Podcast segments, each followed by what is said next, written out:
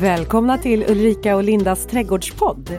Och det är jag som är Linda Kjellén, trädgårdsmästare och konstnär. Och det är jag som är Ulrika Levin, trädgårdsdesigner och arkitekt. Och vi ska prata perenner idag, Linda. Alltså det här är ett ämne som står mig så varmt om hjärtat. Ja, men då är vi två. Jag älskar perenner. Ah. Vad har du gjort eh, sen vi sågs? Åh gud, jag ville knappt bli påmind. Men jag har haft så mycket teknikstrul. Åh, vilken Ja, men- mardröm. Mm, ja, jag tror att det är många som kan känna igen sig i det där när tekniken ska vara ett hjälpmedel men tekniken snarare fäller krokben för en. Jag har haft ganska stora så här, fotojobb de senaste veckorna med liksom inlämning varje vecka och med massor av bilder. Och jag levererar gärna, eller jag fotar gärna i eh, råformat. För det är bilder som man alltid, alltså det är top of the top i bildklass kan man säga. Precis, de har en hög upplösning och så kan man fixa till dem ganska mycket själva. Ja. Eller själv i ett redigeringsprogram sen, eller hur? Ja. Mm. Men då uppstod det två saker. Att eh, beställaren ville ha det här i en ah, lägre upplösning och det skulle vara JPEG och det skulle vara DPI och, och jag är så här, oh, jag är trädgårdsmästare, herregud, är jag fotograf nu också? Men jag tänkte jag ska allt lösa det här. Men då eh, så började mitt det här lilla minneskortet i kameran och strula. Den liksom error i card så och man blir alldeles frustrerad över men jag ska bara fota, hur svårt ska det vara? Men så tänkte jag till att nej men vänta nu beställaren sa ville ha JPEG-bilder lite lågupplösta. Äh, skitsamma, jag ställer in på lågupplösta bilder. Vilket jag gjorde på kameran och sen fotar jag i flera timmar, massa vackra saker. Och sen så skickar jag iväg det här till beställaren och då fick jag tillbaks de är för lågupplösta och den här gången kan vi nog tänka oss råformat. Jag bara, Skämtar du? Men det är ju katastrof. ja det var klart det var katastrof. För jag fick ju raskt säga att tyvärr, det finns bara den här upplösningen. Ja, för, för du kan ju inte gå åt andra hållet. Nej. En högupplöst bild kan du alltid så att säga förminska. Men en lågupplöst Ja, som är tagen i det formatet, då är man ju körd. ja då är man körd. Nej, vad Ja. gjorde du då? Nej, jag fick ju bara säga att eh, jag har tagit mig an det här uppdraget och då löser jag det. Så att eh, jag fick göra om hela fotograferingen. Åh, gud vad jobbigt. Och du vet, och nu eh, vi som jobbar inom trädgårdsbranschen här, alltså det här är ju våran högsäsong. Det, det står ju hela tiden någon som knackar på dörren och vill gör, lämna över ett nytt samarbete, ett nytt jobb. Så att, eh, ja men, lite så här, åh, motigt. Men, Vad tråkigt. Ja, Mm. teknikstrul liksom. Och sen också när man ah, gör ett eget initiativ. Ja. ja, så det har varit min. Vill du bli påmind om vad du har gjort sen sist? Eh, Oj, nu spänner du armarna! Jo, Herregud! Karl, Karl, vad heter Kolla musklerna. Karl Alfred. Karl Nej, vad- Alfred. Ja. Ja. Ja. Ja, vad, Gud, det var väldigt länge sedan den tecknade serien gick. Nu Ja. avslöjade jag Ja. mig. men, eh, nej men vet du vad? Alltså det känns ju verkligen att våren är här och jag har ju jobbat jättemycket men för att få lite, lite ja, respit i mitt vardagliga arbete så jobbar jag i min egen trädgård och jag har burit jord. Eh, och eh, ja, egentligen kogödsel och lite sånt där, du vet man ska pyssla. Så två pallar har jag Ja. hållit på med. Var det de pallarna som stod här Yes. nere vid Ja, parkeringen tre som var tomma? var det faktiskt. Ah, Ja, och så, men det var så himla skönt för jag hade en... ehm, det är lite knixigt här där jag bor. Det är både trångt och eh, ja, det är knepigt med trottoarkanter och sådär så att de som kommer och ska leverera lite tyngre saker, det är alltid lite problem. Men jag måste säga, jag älskar de här lastbilschaufförerna som kör de här lite tyngre bilarna med tyngre gods. För att, ja, men du vet, de är så problemlösningsorienterade så att han, den här snubben, jag gick ut för jag tänkte jag ska hjälpa honom då. Och han är så skön, för det blir strul, det blir knepigt och jag tänkte så här, "Nej, men det här kommer kanske inte gå. Så att, vet du vad, ställ av det på trottoaren, jag får lasta av, eh, jag får bära in grejerna, det är inte mer med det, det får ta lite tid. Han bara, nej, nej, nej, alltså vi ger inte upp alltså, vi försöker. Och han, han tog sig tiden och det är så jäkla, alltså det är så uppskattat. Ja, verkligen. Eh, alltså jag skulle nog behövt eh, denna eh, lastbilschaufför eh, som kunde hjälpt mig med mina råformatsbilder kanske. Ja, eller hur. Mm. Men jag, jag har ju gjort det också, för att det är ju så här, jag har gjort, jag gjorde en dundertabbe en gång på ett jobb eh, i ett litet sommarstugområde i Åkersberga. Vi, det skulle komma en lastbil med växter, ganska stora växter. Och jag hade kollat med anläggaren på plats, alltså kommer en lastbil med trailer, alltså en lastbil med släp, eh, kunna vända här och, och, lösa det? Ja, det är inga problem, han kan åka ner till hamnen och vända där, för där håller de på att bygga om. Så att jag litar ju på vad anläggaren säger. Och när den här lastbilschaffisen kommer dit så ser vi bara att det är kört. Han kan inte fortsätta neråt, han vågar inte heller. Så vi ska vända i ett litet sommarstugområde och fattar ni vad en sån lastbil med trailer behöver ha för vändradie? Oh, oh, mm. Ja, men han, du vet, han lyckades lösa det. Eh, vi vinkade och stoppade trafik och liksom löste det. Och ja, du vet, jag skämdes ju som en hund för att jag hade lurat ut honom på de här små vägarna. Men han, nej, du vet, han bara, det löser sig. Så nästa, liksom nästa dag så åkte jag faktiskt eh, till växtleverantören med en eh, flaska, jag vet inte om det var whisky eller en vinare, och bara sa så här, du nästa gång chauffören kommer upp, ge honom det här och tacka för mig och be så himla mycket om ursäkt. Och han blev så glad. Men jag älskar dem. De är helt suveräna på sitt jobb. Ja. Jag tänk vad många konstiga avlastningar man har varit med om. Eh, verkligen. Ja, ja, det, är, ja. det är alla möjliga olika sorters... Och tidspress. Och tidspress som alltid. Och tungt. Alla ingredienser. Jag är så imponerad. Ja, och whiskyn där också. Men du, mm. eh, om vi går in på ämnet för dagen, perenner. Ja. Eh, ska, vi, ska vi egentligen börja med, vad är en perenn? Ja men det kan vi göra. Och då är det så här att en perenn är ju en flerårig örtartad växt. Eh, om man nu ska göra en direkt översättning av, från det latinska ordet perenn så betyder det beständig. Eh, det betyder eh, som varar året om.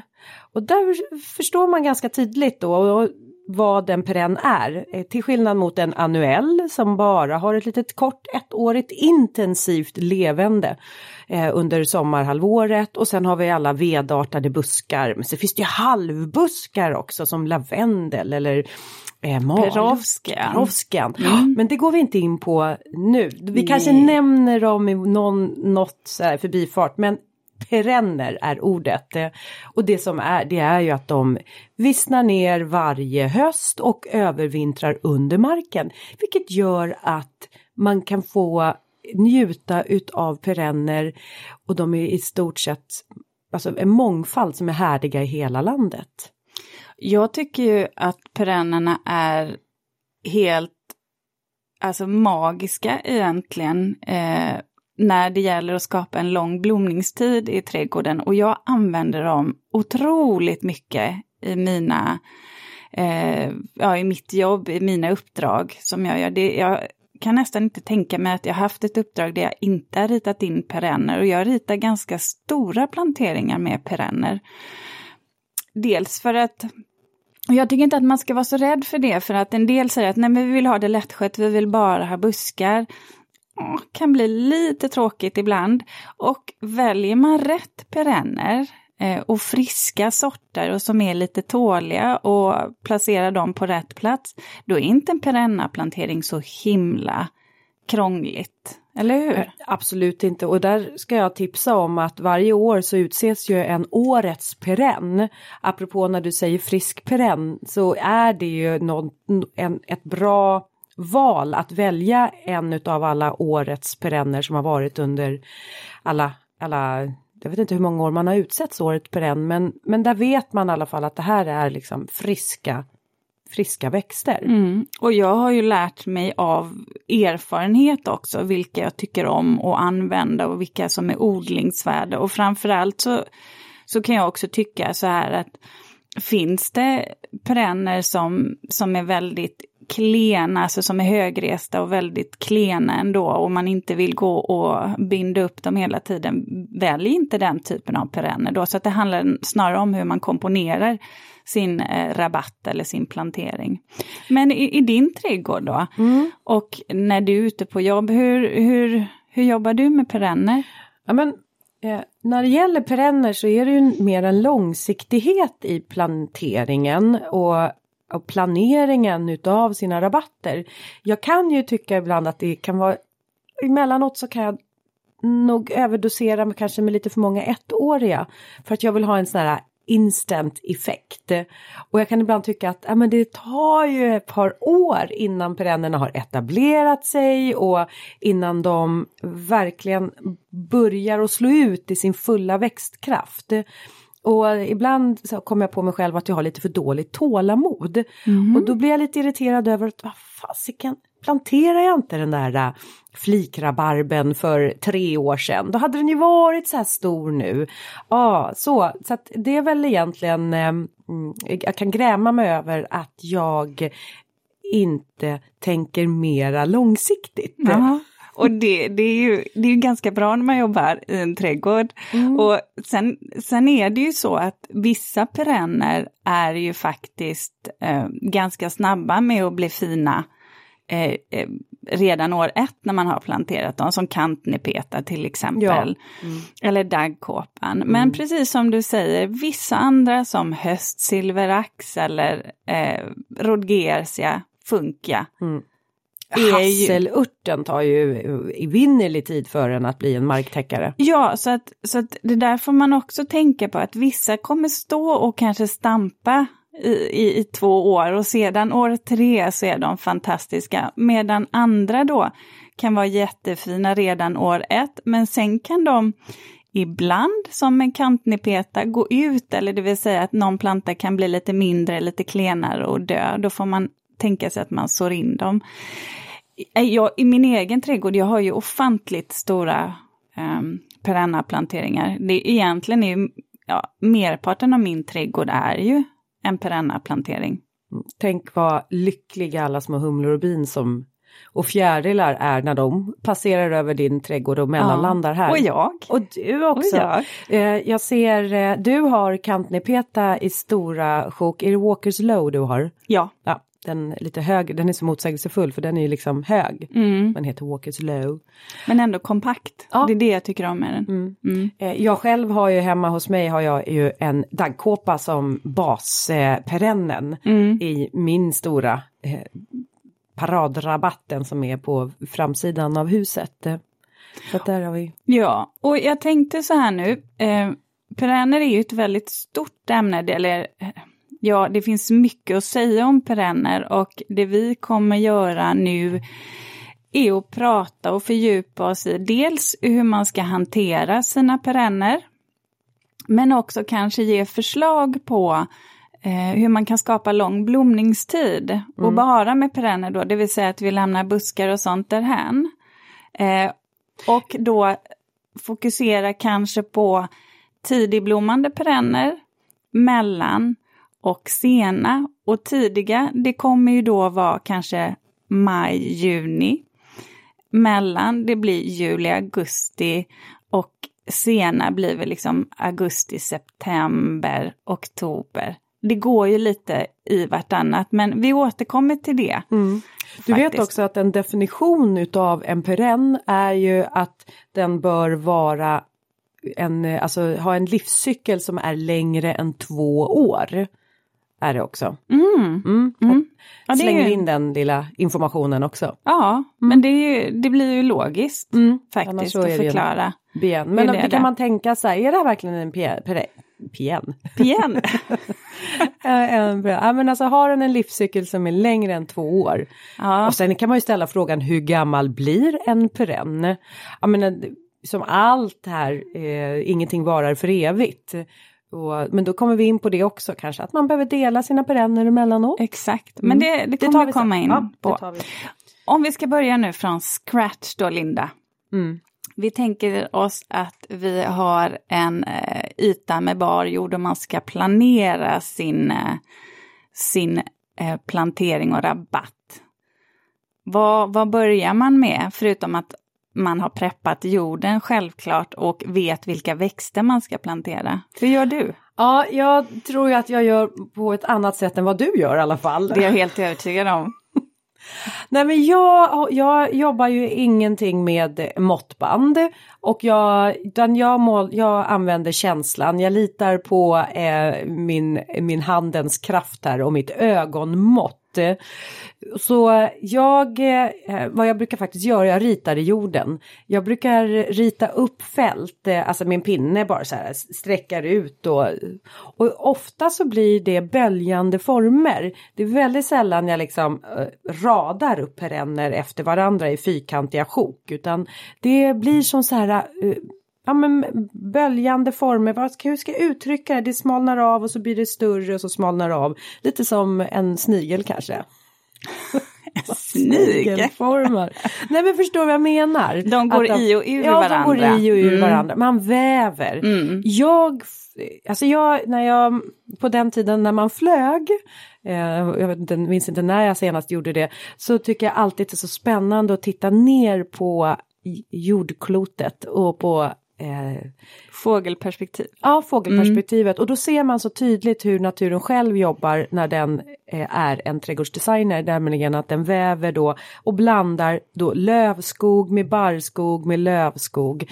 Och, och det, det där vävande sättet, det är någonting som jag jobbar mycket med. Mm. Och såklart repetition, hellre eh, hellre ett mindre antal olika sorter i sin rabatt än men, för många. Men jag menar någonstans så måste du ju ändå ha en kunskap om hur stora de här växterna som du planterar blir, mm. eller hur? För att ja. annars så går det ju bet om du bara duttar ja, ner det. Ja, ja, ja, alltså absolut. Men då får man ju titta precis som i det större perspektivet att en trädgård består i olika nivåer utav då perenner, buskar och träd.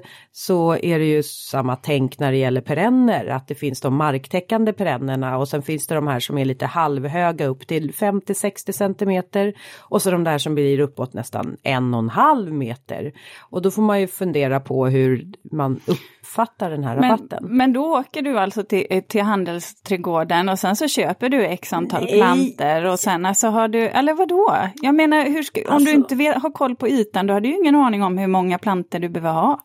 Nej men okej, okay, jag säger så här, jag är ju ingen trädgårdsdesigner så att jag jobbar ju, jag börjar ju sällan med eh, nakna jordar, alltså bara en helt ny rabatt, utan jag hemma i min trädgård så fyller jag ju bara på med nya växter och bara, mm, här är en liten lucka, här behöver jag ha in någonting. Och då brukar jag åka till eh, butikerna och sen så är det så smart för om man vill ha en lång blomning i sin rabatt men man inte har liksom den här sitta på kammaren och göra hemläxa. Då kan man faktiskt spontanhandla. För när man kommer dit så vet man att om man kliver in i butiken i juli månad då har butiken frontat med de perenner som står i blom just i juli månad. Och då är det de så här man ska välja mellan. Fall man nu vill se dem i blom då om man nu väljer blommande perenner. Och sen så åker man tillbaka i september och för att man kanske har en lucka i rabatten i september. Ah, det som är frontat, det är det jag tar med mig i min trädgård. Men, ehm, nej men, ja, ja, det är väl klart att man behöver kanske vet att du vill komma till att Linda, man måste räkna på mm. CC-mått och man måste få till Exakt. det här. Och, men jag är eh, obehjälplig, jag är alldeles för spontan och eh, ehm, jag går på känslan. Och det här, men det här är ju ett hos många av mina kunder som jag träffar så är ju det här ett problem. Precis, de gör precis som du, men kanske problem. med lite... Nej, men kanske lite mindre kunskap då, om man säger. Alla är inte trädgårdsmästare ja. som du. Eh, men de åker dit och så handlar de x antal eh, sorter, har ingen tanke alls på hur de ska hänga ihop. Och jag säger inte att det här är lätt, jag menar jag har ganska många års erfarenhet av det här. Men kommer sedan hem och planterar och så sätter de alldeles för få. Och så fattar de inte riktigt varför det inte blir den här prunkande planteringen. Men det tycker jag överlag när man gör planteringar att, det, att man planterar för få växter. Jag tycker att det är samma sak om man planterar i kruka till exempel. Jag vet många gånger när jag gör krukplanteringar när jag håller kurser och, och jag har då som publik eller de som går kurs hos mig tittar i krukan och bara, men gud, ska du få plats med allt i det där, den där krukan? Eh, det tror jag är någonting som mm. man, man lär sig att eh, det, det går alltid åt mer än vad man tror. Men om man då tänker sig så här, Ja, att man nu har en helt ny yta. Och det vill säga att man har tittat lite på storleken. Och redan där så skulle jag ju rekommendera att man eh, väljer perenner efter den ytan så att man, som man har. Det vill säga så att man har räknat ut hur stora blir de här perennerna och vad ska jag då ha i yta för att få rätt antal. Men jag brukar alltid göra så att jag gör en utsättning av perennerna. Och med det menar jag att när perennerna är i kruka Ställ ut dem så som de ska stå i planteringen. Och börja gärna med dina kantväxter då, så att man får rätt avstånd mellan kantväxterna. Det vill säga det som man kallar för CC-avstånd. CC-avstånd, det är en förkortning, det betyder centrum, centrum, planta. Och tar man till exempel kantnepeten, Walkers Low som vi pratade om, den har ett CC-mått på 35 cm. Då ska det vara 35 cm centrum, centrum mellan plantorna. Och då, om man ska ha två rader, så ska man tänka på att det ska också vara 35 cm i diagonalen. Mm. Men eftersom diagonalen är längre så blir det lite kortare. Och får jag säga, ja. det är nog här som jag tappar intresset för att göra den här typen av plantering. För Men, att det blir för mycket matematik jo. och tänka och planera. Jag vill bara att, jag vill liksom måla mina rabatter. Och jag jo vill men bara det gör att det ska... du ju ändå, men oh, det är bara det att du tänker här, innan. Ja, jag men fattar så här, om du ja. har växter, som när jag köper in växter ibland till mina kunder och åker ut, då kanske vi har växter för 300-400 000 det går inte att säga att nu ska vi måla ja. eh, med en yta. Så att jag menar, eh, då Nej. kommer jag antingen stå med alldeles för många perenner eller någonting som inte blir bra. För mig så vill jag att det ska, det ska vara perfekt. Ja. Därefter. Och därav så är det viktigt sen om man har det i raka rader och, eller i böljande former, det beror ju på stilen mm. egentligen. Men vet du, det är därför jag kände att det här med trädgårdsdesigner, det var inte min grej. Utan däremot, alltså leka med växter och, ja. och, och ja. ha, ha, kul med växter, ja. det är min grej. Men, eh, men, för men just... ursäkta, det har väl jag också? Jo. Bara för, nu tycker jag att du gör det som att allting är fyrkantigt. Det handlar om att ha en plan. Fru Fyrkant och Fru Fantasi sitter här ja, alltså. Nej, nu tycker, nej. Jag, nu tycker jag du är eh, orättvis där. Du målar upp det andra som väldigt, väldigt positivt och nästan som att där ja. planen är negativt. Nej men jag förstår ju att om man har ett uppdrag så måste man ju se till så att man liksom levererar uppdraget och att det eh, kommer fungera i, i planeringen. Det förstår jag också. Jag men, visste att vi skulle haka upp oss här. Ja. Jag bara visste det. Jag ja. visste det. Så fort jag kommer börja prata CSM-mat ja. så kommer Linda upp och ner. Okej, okay, nu och har du gjort det. Oh, ja, men, men jag förstår, jag fattar ju. Poängen, ja. poängen, poängen, fru Trädgårdsmästare, ja. eller trädgårdsmästare, ja, trädgårdsmästare. Linda Kjellén. Ja. Mm, okay. Så, ja. är ju ja. att, eh, när, att man ska sätta ut dem medan växterna är i kruka. För det, det jag menar är att då kan du rucka på plantorna. Om du känner att ja, men det här blir ett lite, lite för stort avstånd, då kanske du kan liksom justera det lite så att det blir bra. Så att du har liksom en plan för hela planteringen och sen när du ska börja plantera, Gör då så, tryck till med krukan där plantan ska sitta, var noggrann och gräv där och sedan tar du ur plantan ur krukan, trycker ner den, eller sätter ner den, trycker till med jorden runt omkring så att du inte får luftfickor. Och sedan så går du vidare till nästa planta. Och är, är man som jag, har man planterat galet många perenner så är det ju så att säga att jag kan både gå med ögonmått, för jag vet, jag kan mina mått. Och jag kan ju också hålla koll så att jag vet att jag får en rak linje eller att jag, att jag inte flyttar plantorna. Är du ovan, ta ett steg tillbaka och se, ser det ut som att plantorna sitter så som jag hade tänkt mig från början? För det är ofantligt lätt att börja gräva lite på fel ställe och sätta någon eh, snett. Och har man en rak linje och som man ska förhålla sig till. Dra upp ett snöre då. Mm. Som du kan mäta ifrån. Men du, om vi tänker på CC-mått igen. Ja. Eh, nu sa du kantnerpetan har 35 i CC-mått. Ja. Ehm, det här generellt som man brukar säga att lika hög som eh, perennen blir, lika stort CC-mått ska det vara. Jag vet att jag pratade om det när vi pratade om buskar och buskplantering, att man brukar säga att lika hög som den blir efter 10 år, lika bred blir den också. Men det är ju en sanning med modifikation Ja. eftersom, jag menar, man kan ju ha en fingerborgsblomma till exempel. Ja. Nu är det en, en bien, men den, ja. Men den blir ju, ja men den kan ju bli 1,20 hög alla gånger. Det betyder ju inte att det ska vara 1,20 emellan. Nej, och det är samma sak med höstsilveraxe Ja. till exempel. Nej, nej, jag tycker vissa sådana där saker, alltså sådana här, eh, vad ska man säga, eh, ja, myter eller mentalesätt, alltså sådana här regler tycker jag är liksom lite ja, bullshit. Ja. Det är ungefär som det här att säga eh, att eh, man alltid ska sätta i ojämna eh, grupper, alltså Ja. grupper om tre eller fem, sju. Ja, ibland kan jag tycka att det är jättebra. För att det blir som en liten triangel om du till exempel har tre.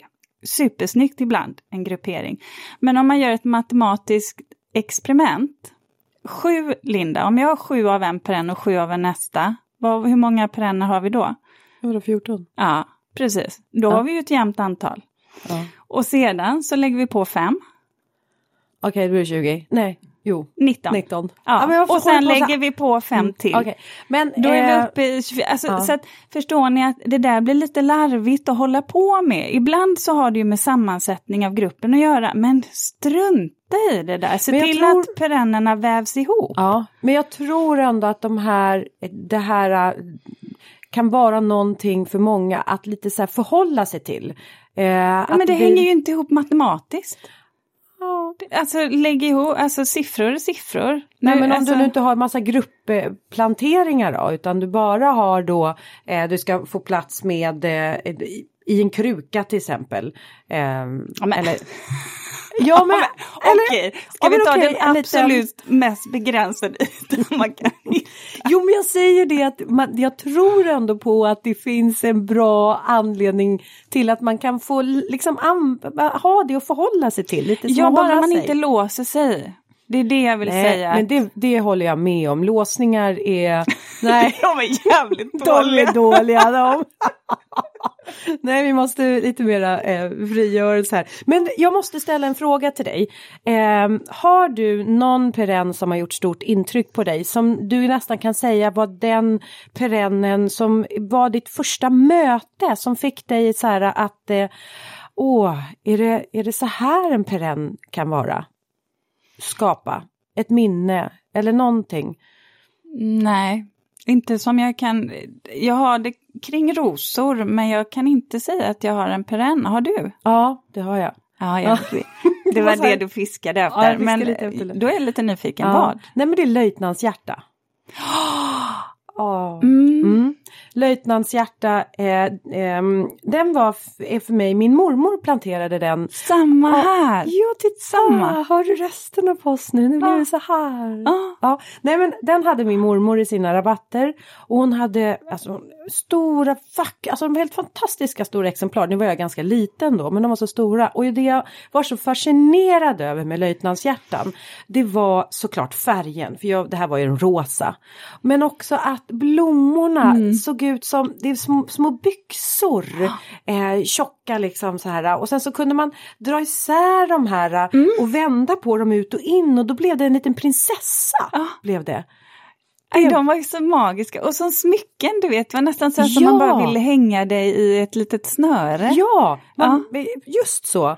Så att för mig är det, och där, så när jag tänker på, ja men ofta så här när jag tänker, och speciellt också så här på försommaren när just eh, eh, löjtnantshjärtan står i blom, då är det för mig, ja men det är mitt första möte med en, eh, en perenn. Mm. Ett så fint möte. Ja, Men det är, det är en vacker perenn. Ja, och då ska jag säga det apropå hur gammal blir en perenn. För löjtnantshjärtan är en typisk sån här perenn som, ja men den, den håller i ett liksom, antal år. Men sen är det dags att byta ut till en, en ny planta. De är väldigt lätt att dela Ja. och föröka. Ja. Men du, Mm. när du ändå var inne på löjtnantshjärtan så tänker jag också att vi ska komma in på, ja, men på det här med när man då har planterat sina perenner. Eh, så är det ju ändå så att de ska ju kanske skötas under säsongen, för vissa perenner har ju en tendens att bli lite skräpiga. Och vi kan ju inte gå in på alla, men så är det ju. Just löjtnantshjärta kan jag tycka är jättetrevlig perenn på tidig försommaren. Mm.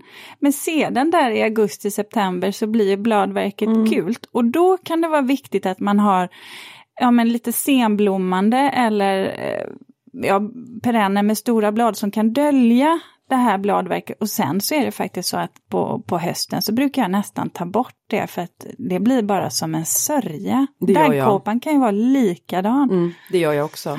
Det gör jag också. Och vissa blommor måste, där behöver man liksom ansa stänglarna Mm. för att de ska bli fina. Daggkåpan är ju en sådan till exempel som jag gärna klipper av blomstängen. Oh, ja. ja, det gör jag också och det gör jag oftast eh, lagom till midsommar. Då Ja. klipper jag ner de flesta mesta och det är också för att jag använder mig av eh, daggkåpans blommor. Jag älskar att göra buketter. Mm. Så att det brukar jag göra för sen brukar vi åka iväg kanske lite på semester ute till sommarhuset. Och då när man kommer tillbaks där någon gång i augusti då brukar det se lite trist och torkat ut och sen så sprider ju sig daggkåpan sig gärna med frö. Och ja, nu har jag valt att ha daggkåpan som min eh, inom citationstecken röda tråd i, i min trädgård. Så den återkommer ju på flera platser. Mm. Men det är en tacksam växt också. Ja men den är ju tacksam är den. Sen kan jag tycka att när man klipper ner dem, samma sak här, klipp ner dem längst ner. Ja, Längst ner vid, Ja. vid roten, om man säger vid basen på växten. men vet du vad jag gör med daggkåpan? Nej. Jag rycker loss dem. Ja, det går och då ju så kommer det jättebra. med lite rotdelar. Ja. Och antingen så kan jag vara generös och dela med mig av dem. Mm. Eh, till min mamma som har lite större trädgård till exempel. Men eh, det kanske hamnar på komposten och då brukar jag se det som att jag rotbeskär Mm. mina daggkåpor.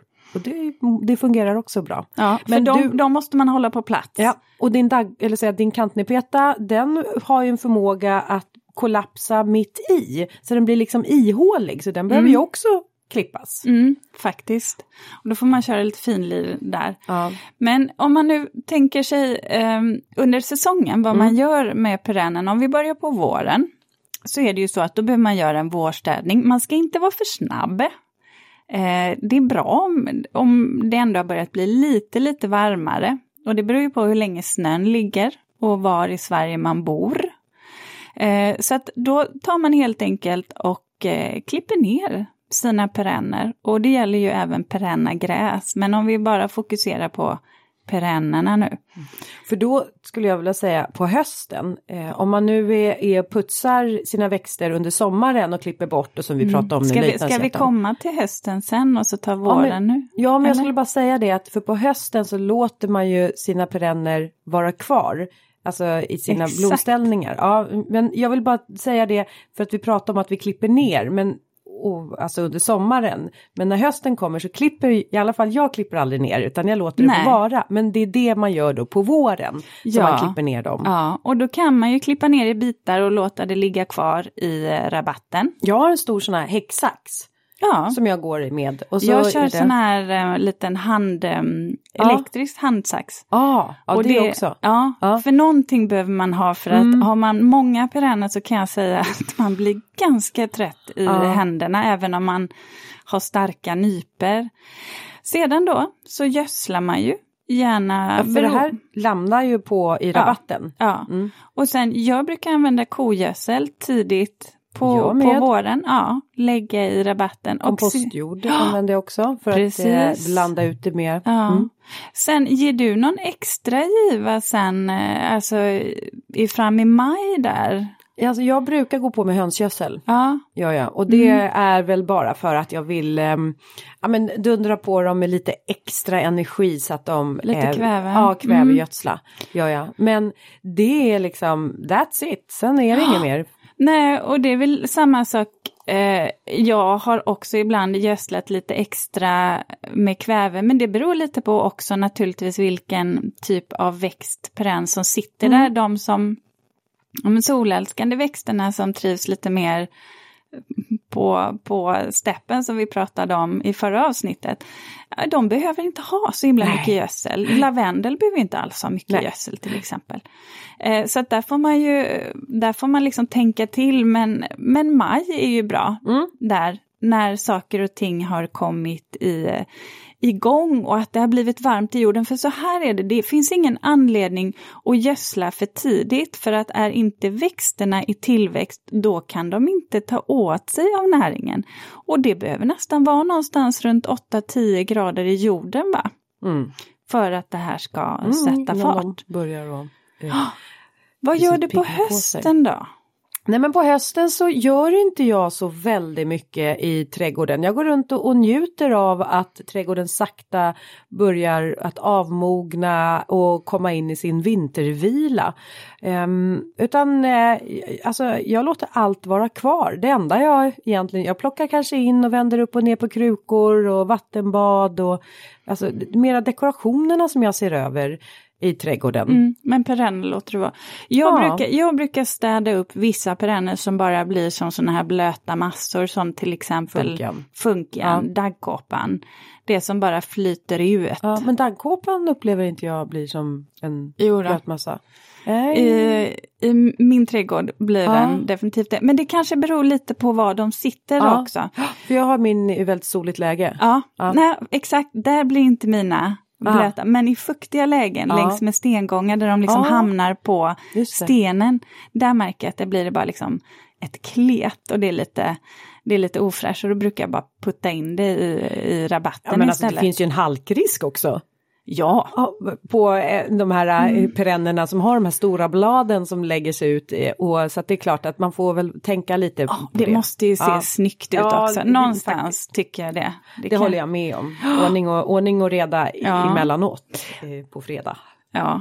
Men du, Ja, Eh, nu är jag lite intresserad av att höra om du skulle få välja några tidiga perenner, vad skulle du välja då? Och, och berätta gärna om du kommer sätta ihop dem. Mm. Alltså är det en kombination eller sätter du dem, är det bara en, ett upprabblande av olika fina växter? Ja men just i det här läget här som jag nu ska leverera två stycken eller i alla fall eh, en. för Jag har ju redan sagt det, jag har ju sagt löjtnantshjärta. ja. I love löjtnantshjärta. Jag fattar inte varför jag flyttar mig från micken hela Nej, du tiden. vill se hel, du vill liksom, du tycker att jag skuggas bakom det här Ja. filtret. Ja. Ursäkta, ja. kör. Kör. Nej men löjtnantshjärtan och den har jag pratat om att den är ju en, en växt som för mig är så, den väcker så mycket nostalgiska minnen. Eh, Men sen har jag myskmadra. Ja. som en marktäckare. Mm. Och myskmadran den, den har jag ärvt från tidigare ägare av trädgården. Och ehm, när jag liksom har Ja, när jag blev vän med myskmadran så förstod jag också att det här är en fantastisk marktäckare i lite som en lundväxt, är lite halvskugga och den, den liksom men den vräker ut sig så det blir en tät matta och så börjar den att blomma i vitt. Fina fina små stjärnliknande Mm, små, små små blommor. Och de kan man ju också plocka. Jag vet att förr i tiden då använde man ju de här eh, blommorna på myskmadran, eh, odoratus, galium odoratus och torkade och så hade man dem i linneskåpen. För att de Ah. doftar så gott gör de. Ja, men gud vilken bra idé. Ja, alla perenner som har, eller, eller växter som har just odoratus i sig latinskt betyder ju väldoft. Mm. Så att det kan man tänka på att om man vill ha en doftande trädgård så ska man gå efter Men, det. men det här som du sa, i liksom lite halvskugga där, Mm. de kan verkligen inte stå för torrt. Nej, nej. För då, då antingen tynar de bort och ibland så har jag upplevt att de faktiskt också har drabbats av eh, lite mjöldagg. Ja men det kan nog också. Men Mm. sen måste jag också säga aklejor. Ja. Ja, aklejor är en, en för mig. Och det är än en gång, alltså jag märker ju det när jag så här skulle sätta mig ner och fundera på vad jag har för förslag på perenner. Att jag går ofta efter perenner som jag tycker har eh, flera uttryck, inte, inte bara så design utan de säger någonting mer. Och har du tänkt på att aklejor ser ut som, om man tittar i blomman, att det ser ut som dansande svanpar? Nej. I cirkel. De dansar liksom i cirkel och det kan vara om en fem stycken, jag vet inte hur många de är som sitter i klasarna, men det kan vara så fem svanpar eller Och då svanar. tänker du på de enkla, eller hur? Inte de Nej, fyllda? ja de enkla tänker jag på, de är nog lättare att se det på gör jag. Det Eh, måste jag kolla. Ja, men, och det är också så här, det, det ser ut som, det är duvor, jag tror att den på engelska har något sånt i sig i sitt namn. Som lite siar om att de, eh, och sen så, eh, den heter väl på engelska också någonting, det är som en näbb har den. Så det är som, ja, jag har inte riktigt koll på det Nej. engelska. Men den, så den tycker jag om. Sen tycker jag att det som är så roligt med klejor och det är ju att de eh, förökar, alltså de korsar ju sig så gärna. Så att där är ju också någonting du kan inte styra riktigt eh, över utan det, Nej. du kanske planterar en liten Nora Barlow eh, och sen så blir den en, en eh, liksom lila blommande till slut, enkelblommande och inte den här fyllda som den är. Så de, där skulle jag vilja säga, där har jag tre stycken som jag tycker är väldigt fina på våren. Och såklart tillsammans med alla lökväxter som blommar.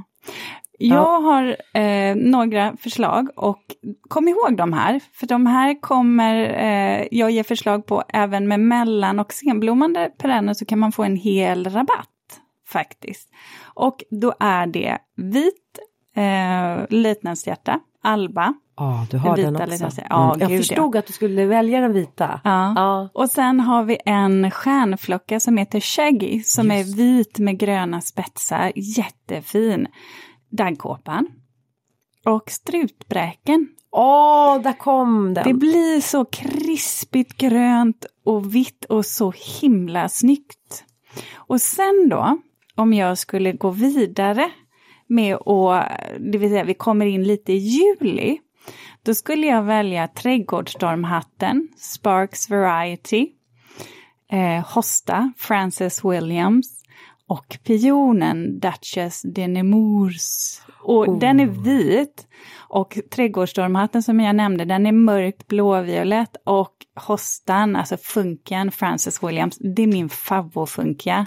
Den är ju lite så här limegrön, lite blå, daggigt grön i mitten och så lite lime på sidorna. Och de här kombinationen av gröna nyanser tillsammans med det vita och det mörkblå, alltså det är snyggt. Och det här är ju en plantering som, ja men kanske sol, ha, alltså sol till halvskugga. Det får gärna vara lite, lite eh, skugga på den här planteringen under dagen. Det behöver inte vara full sol i torrt läge för då kommer en del av de här växterna inte funka bra utan liksom lite, lite, lite Mm. mindre sol. Du sa ormbunke där eller vad sa du? Strutbräken. Strutbräken. Ja, vet du vad en, en som jag är väldigt förtjust i? Det är regnbågsbräken. Mm. Den blir eh, inte det här krispigt gröna utan den får mer det här bronsfärgade Mm. och speciellt liksom i nerven på dem. Och um, vissa av de här också ormbunkarna tycker jag är så fantastiskt för de är ju också vintergröna. Många är det. Har du några mellanblommande perenner Mm. om vi pratar juli, juli, augusti där? Ja men det har jag och jag, jag tycker ju då i en väldigt solig rabatt, eh, torr och solig, där tycker jag att några som är gifter sig verkligen. Det är eh, pastellfärgad eh, med rödleka. Med så här flata blomställningar, just den här heter Series Queen. Tillsammans med en eh, steppsalvia. För då får man också det här formspråket, liksom spiran möter liksom den flata. Vilken salvia skulle du välja då? Nej men jag tror faktiskt att det är Cardonna, Ja, tänker jag. Favoriten. Den favoriten. Ja. Ja. men de är... Alltså och den sen, funkar alltid Ja. i, så, i ett soligt läge. Mm. Shit vad snygg den är. vad snygg. Och så tillsammans med ett prydnadsgräs såklart och typ eh, silvergräs till exempel. Mm. Så det, de tycker jag. Men sen så, em, eh, sen måste jag också säga brunnäva. Brunnävor tycker jag är en, em, ja kanske en underskattad perenn men som är så här, den, den, den är lite så här om man har en plantering eh, i närheten av eh, skog och så är den en sån här fin övergång till det vilda landskapet. Men och sen så är jag ju precis som du också Ulrika förtjust i luktärtor. Men om man nu vill ha en perenn eh, inom citationstecken luktärt, då är ju rosenvial. Mm. Den doftar inte men den får det här eh, blommorna. Sen är väl rosenvialen kan ha, eh, finnas en risk för att den sprider sig väldigt, väldigt, väldigt mycket. Men då får man generöst plocka buketter av rosenvialen. Mm. Jag kan också tycka eh, mellanblommande växter som i ett torrt läge, då skulle jag köra på kransveronikan, lavendeltom eh, och rosenstaven, eh, floristian wise eh, faktiskt. De tycker jag är fina. Och vill man sen då låta det övergå till senblommande perenner så kan jag tycka att eh, solhatten eh, Virgin är jättefin och den blå bolltisten Veitch, Veitch heter den va? Oh, ja, ja Veitch Blue ja. i alla fall. Den är så här, den är lite mörkare, ja. alltså drar lite åt det blåvioletta. Just det. hållet. Och kompletterar man då med, med liksom, till exempel en höstvädd, alltså perfekta alva, den vita, då får man också en väldigt, väldigt fin plantering som går i det här ljust violetta och vita. Och, och, när vi pratar om de ljust violetta och vita, vad säger du om stenkyndel? Ja, eh, den som heter... Den blommar ju hela sommaren. Ja, hela Blue Cloud. Jättebra och, kantväxt. Ja, och eh, kruka. Ja, men kantväxt, för den, jag undrar om det var den jag såg när vi besökte Norrvikens trädgårdar i somras. Så har de liksom en jätte, precis som du säger, en kantväxt som, är, som går ut med hela och det som slog mig där det var ju det här surret. Mm. Var ju, alltså varenda Jättebra. Ja, honungsväxt, alltså mm. alltså biväxt. Mm. Eh, så den, men, men den gillar jag och så gillar jag det här skira mm. i dem. Sen kan jag också tycka till den här den här planteringen som jag började rabbla från början eh, med den vita löjtnantshjärtat. Om man vill ha någonting senblommande i den, då skulle jag välja eh, kanske höstflox, Alma Jansson ja. och höstanemonen eh, Honorin Jobert. Ja, men gud vad roligt att du nämner eh, höstflox Alma Jansson. Ja, jag, jag, det är det gröna kulturarvet ja, där. Mm. Det var mm. det jag skulle komma till också. Ja. Att jag är väldigt förtjust i just kulturarvsorter av perenner. Mm. Och i då grönt kulturarv som är då eh, en inventering som inom programmet för odlad mångfald. Men mm. jag tycker att det har varit ganska svårt att få tag på just höstfloxen i det här grönt kulturarv, i varje fall hos eh, mina odlare. Ja. Det har inte varit helt enkelt att få de sorterna som jag vill ha. Nej men det, ja. Jag vet inte. Jag vet mm. inte heller, men den är jag också väldigt, väldigt förtjust i. Sen gillar jag såklart när det finns en historia bakom mm. växten. Mm. Mm. Den tycker jag om. Ja, eh, det, det, blir många, det blir många växtnamn. Ja, men, ni, jag tror sagt... att ni får lyssna, men lyssna igen. Då, ska vi inte bara säga, eller ja, det var den jag sa. Men hade den... du något mer senblommande som du ville jo, nämna? Men, jo, jag vill bara nämna några senblommande. Jag ska ja. skynda på här. Eh, jo, men det, jag, jag blev så starstruck av en rabatt i höstas. Ja. Och, och den en, en offentlig rabatt som ligger i Sundbyberg. Ja, och där hade då en skicklig trädgårdsdesigner, kan ha varit du Ulrika, Nej, det var, nej, nej det men, var inte det. Men det hade kunnat det. Hade kunnat vara. Ja. Den, den, här rabatten som är så motsägelsefullt för man tänker en höstrabatten ska gå i så brons och, och, röda toner. Men den här gick i varmvitt och silver. Och då hade den, det var vitmalört Mm. Jag tror att det var, eh, om det kan vara eh, Silver Queen. Eh, det kan också ha varit slottsmalörten ehm, eh, Powys Castle, tror jag den heter. Mm. Eh, och de, det var liksom som kantväxten och den så här välde över. Och sen så tillsammans med det här så fanns också den här pyrenesisk aster som var som en vävande växt, småblommig, så här skir. Och sen så hade vi också en eh, marton. Och martonen mm. får ju så nästan eklektiska färger. Ja. Alltså ja. i, i självlysande lila liksom. Verkligen. Skymningsväxt. Skymningsväxt och den är också så himla snygg när den även har vissnat ner för då mm. blir den nästan guldig och Håller står. Med. Och sen så eh, även då eh, röd solhatt fast jag väljer den sorten som heter Alba. Ja. Ja, den var också så här honungsgul mitt som drar, Mm. knopp som drar lite åt det gröna hållet. Och tillsammans med det här, ja så hade vi kärleksörten matrona och sen tillsammans med det här så måste man ha en hortensia, en typ syrenhortensia. Mm, där kom busken in. Där kom busken in. Jag, var tvungen att bara toppa ja, det här. Jag fattar. Det är klart att du får nämna det. Ja, tack. Ja. tack. Ja. Du, ehm, Mm. vad har du för reflektion för veckan? Du, jag har en reflektion som handlar om eh, mitt viktigaste arbetsredskap. Eller egentligen två viktigaste arbetsredskap som jag har som jag börjar känna att de börjar bli lite slitna. Och då har jag blivit lite rädd hur fasken ska man nu göra för att eh, vässa upp de här. Nej men alltså jag har, jag har börjat få problem med ett långfinger. Jaha, Ja, eller problem och problem, men det är någonting med senan där. Aha. Eh, ja. du, förlåt. Du sitter och pillar på ditt långfinger Ja. och du vet jag kan bara tänka på... Att jag pekar finger? Ja, precis. Du tänker Eh, att jag har tränat det, att jag har använt det för Ja, mycket? jag tänkte säga fasen, är det, är det det en trädgårdsmästare råkar ut Men ja. pekar du finger åt? Finger, vem pekar jag finger åt? Nej men alltså, då tänker jag, nu tänker jag på hela handen. Mm. Att handen är så otroligt viktig för mig. Och när jag börjar få så här föraningar om, men gud, alltså jag börjar lite få ont i långfingret. Hmm. Eh, sen var jag ute och red igår på min nya häst och då förstod jag, vänta nu, aha, det är tygen jag håller här.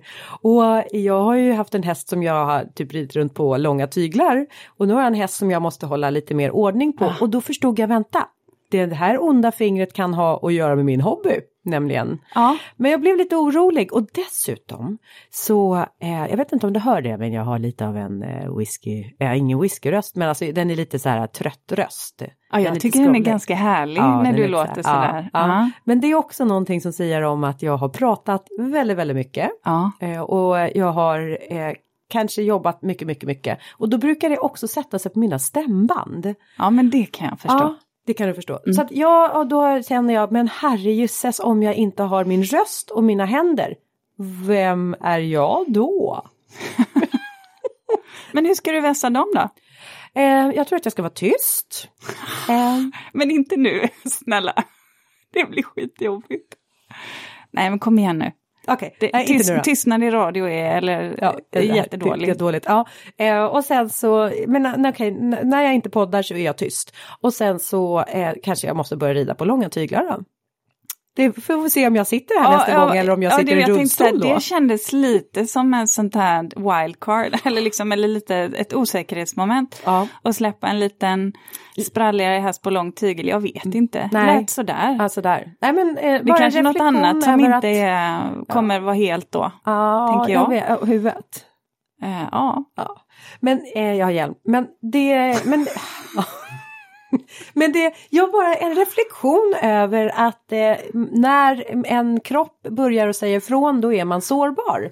För man, är, man tar den så för given att den alltid är frisk Så är och hållbar och stark. Mm. Och, och så, Så är det. Och det blir som mest uppenbart när den inte funkar. Ja, mm. och nu har jag fått föraningar. Så det har varit en så här liten reflektion att lite, mm, ja. Ja. Eh, du, du, du, du. Nej men jag, jag sa ju det här i början att jag verkligen älskar lastbilschaffisar. Jaha. Eller de jag har stött på. Ja.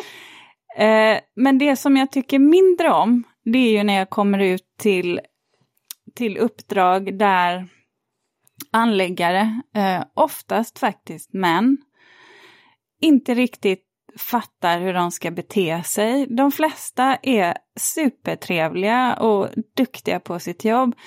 Men ibland när jag kommer ut och sen du vet, antingen har de den här jargongen bara för att jag är arkitekt eller kvinna eller det här att det ska kommenteras, eh, ja men lite då, hur, hur jag ser ut eller ja, de står och tittar. Alltså man märker det ganska tydligt det här när de inte gör det med respekt, alltså bara inte kan bete sig. Nu är jag så gammal, höll jag på att säga, eh, så att, att det bekommer mig inte längre. Men jag kan också bli så fundersam ibland när, när du vet de här lastbilschaffisarna som ibland kommer och så har de värsta pinuppan på bilen. Det är väldigt sällan det händer. Men egna åkare har det ibland. Så känner jag att är så Okej. förlegat. Ja, men med liksom två bubs som bara liksom väller ut på, på, på dörren. Och då tänker jag så här, men förlåt. De flesta är ju så att säga är ju par. Det vill säga att det finns en man och en kvinna många gånger. Och då är det ju så att säga, deras kund består, alltså deras kunder består ju också av det kvinnliga könet. Och hur i helvete kan man ha sådana där grejer på sina bilar? Eller ha den attityden? Jag blir så sjukt trött på det där. Mm. När Nej, man kommer ut. Och jag menar, jag känner så här, jag umgås eller med många, jag tänker så här, snälla män, alltså vettiga män som har lite både ryggrad och eh, vett i skallen hur man beter sig mot varandra oavsett om man är man eller kvinna. Men fy fan vad trött jag blir på det ibland när jag kommer ut. Och det hände nu här en gång. Äh, Jag bara känner, jag blir alldeles matt. Det krockar ju då, då känner man sig, jag har ingenting att prata med dig om. Eller alltså det blir liksom, Ja men det är ju helt onödigt. Ja. Det kan vara en härskarteknik också i och för sig. Men så lätt kan man inte sätta sig på mig. Så att eh, vi blir ju bara Jag- Vi blir ju bara osams, det är ju där Jag- det landar. Jag var med om något sånt här, jag skulle ju ha en leverans av växter in i stan och så hade jag släpet med mig. Och så ringer jag till den här som ska ha växterna och så säger det, ja kan man parkera där då för att jag har släpet med mig. Jag kan komma ner och hjälpa dig att parkera. Säger den här mannen då till mig. Jag bara, ja alltså det är nog inga problem. Alltså jag kan, jag kör med släp, alltså backa det är inga problem. Han bara, ja men jag kan hjälpa dig med det. Mm.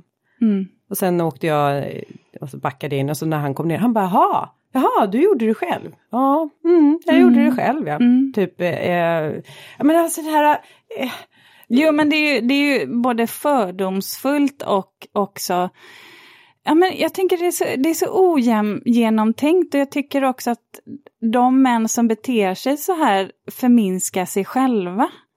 Ja, eh, och nu tar jag upp ja, män bara för att många gånger är det så att de som jag träffar i yrket, alltså anlägg, på anläggarsidan, entreprenörssidan, är män. Mm.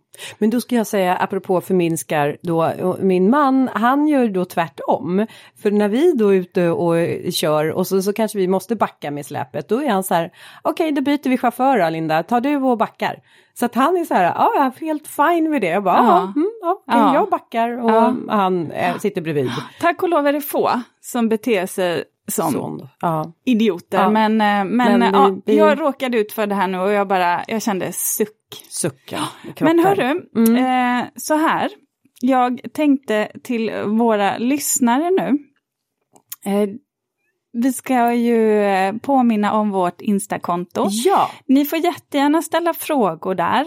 Eh, dels så försöker vi ta med dem i podden och besvara frågor. Vi kommer ju också ha en frågepodd framöver och sen så kommer vi ju ha eh, ta upp dem i eh, frågorna kanske i specifika ämnen eh, som vi kommer prata om. Ja, men då kan vi säga också att de frågor som vi kommer välja att ta upp, det är ju mer allmänna frågor där svaret kan rikta sig till många. Och är det så att man har en fråga som är liksom specifikt om sin rabatt eller planering, trädgårdsdesign, då kanske man kan säga så här, kan vi hänvisa, eh, du har en rådgivningstjänst va Ulrika? Ja, ja precis. Du Om man bor i som, eh, Stockholmsområdet så eh, ja. kan man absolut... Sen är du eh, fullbokad ända fram tills eh, 2025 eller? Nej, inte riktigt, men det kan man göra. Men det är svårt att svara ja, det är faktiskt i, i, inom ramen för podden att svara på specifika frågor.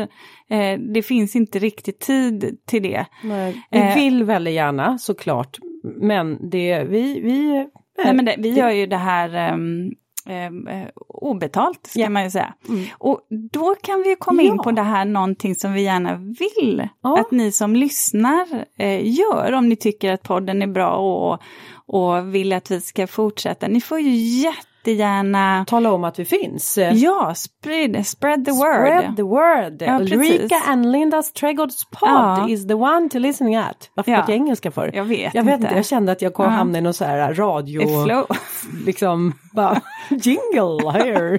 ja, jag vet inte vad. Men också, och man kan ju också ge, mm, prenumerera på podcaster Ja. och, och ge rekommendationer. Um, Ja, vad ger man rekommendationer någonstans? Ja men det kan man göra om, via den eh, app egentligen man lyssnar på. Mm. Så kan man ju oftast, ehm, ja, eh, betygsätta podden ja. egentligen och ge rekommendationer. Och det är ett sätt så att säga för oss att nå ut till fler. För ju fler som lyssnar desto mer pepp blir ju vi på att fortsätta, fortsätta sända. Fortsätta, större ja. sannolikhet att vi finns kvar och så ja. kanske man liksom, ja, eh, eh, ja, en dag kan göra annat än bara sitta på fritid och, och podda. Ja, mm. precis. Nej men verkligen, så att eh, eh, sprid oss gärna. Ja, tack mm. för att ni har lyssnat Lyssna. idag. Nu lät vi som vi var två frö, alltså frön som ja. skulle spridas vinden. Men ja. Tack för att ni har lyssnat. Ja. Vi hörs nästa vecka. Hej då! Hej då!